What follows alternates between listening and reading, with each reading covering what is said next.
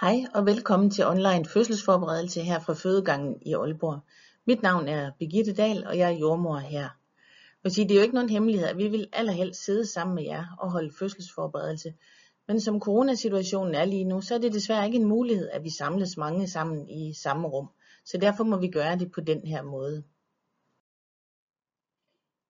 Vi har lavet de her fem kapitler, som indeholder de væsentligste pointer, øh, hvor, som kan være rare at vide, når I skal ind og føde. Jeg vil anbefale jer at se dem i rækkefølge, øh, og den der fødefilm, der er henvist til øh, i andet kapitel, er en film fra fødegangen i Skyby, hvor et ung par kommer ind og føder deres første barn. En dejlig, rolig film i sort-hvid med skøn musik og en helt almindelig fødsel, som mit gæt det er, den kan alle sagtens tåle at se. Det er en dejlig film.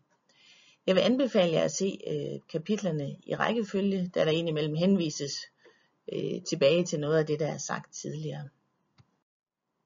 Hvert kapitel varer mellem 10 og 30 minutter, og I kan jo tage dem sådan lidt efter lidt, sådan så I ikke bliver alt for træt af, af at høre på mig i lang tid ad gangen. Vi kommer ikke udenom lige at berøre, hvordan corona påvirker situationen, når I skal ind og, og føde.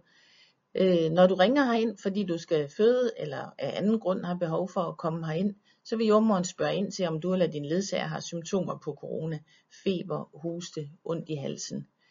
Øh, hvis din ledsager har symptomer, så må han eller hun ikke komme med, og så må du finde en anden ledsager at tage med.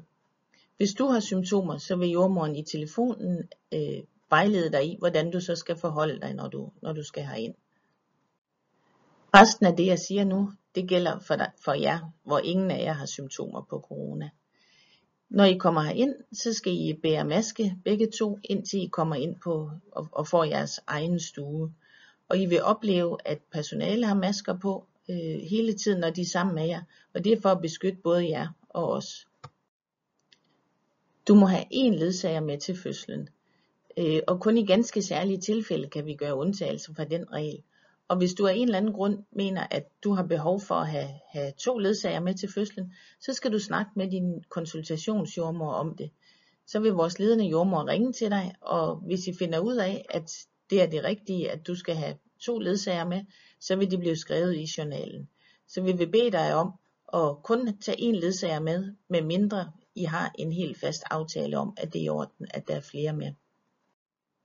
Hvis du har en tid til planlagt kejsersnit eller til igangsættelse, så vil vi bede dig om at få foretaget en coronatest 2-3 dage før, sådan så svaret det foreligger, når du kommer herind. Og så er det vigtigt for mig at understrege, at skulle du være så uheldig at være positiv for corona, når du skal ind og føde, at så vil du få nøjagtigt den samme behandling som alle andre.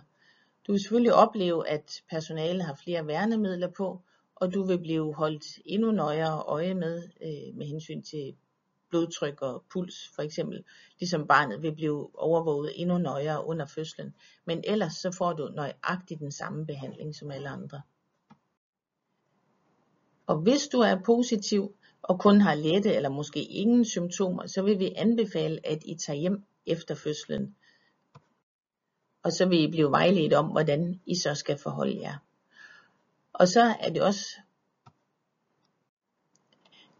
ja, så er det også øh, vigtigt at understrege, at der jo stadigvæk kun er meget sparsom viden om corona og graviditet. Men øh, undersøgelser, der dog er lavet, blandt andet på Hvidovre Hospital, viser, at det, øh, der ikke er nogen risiko for at for eksempel smitte barnet undervejs øh, i fødslen eller bagefter via modermælken. Det var en ganske kort introduktion. Jeg håber, at I kan få fornøjelse af de næstfølgende kapitler.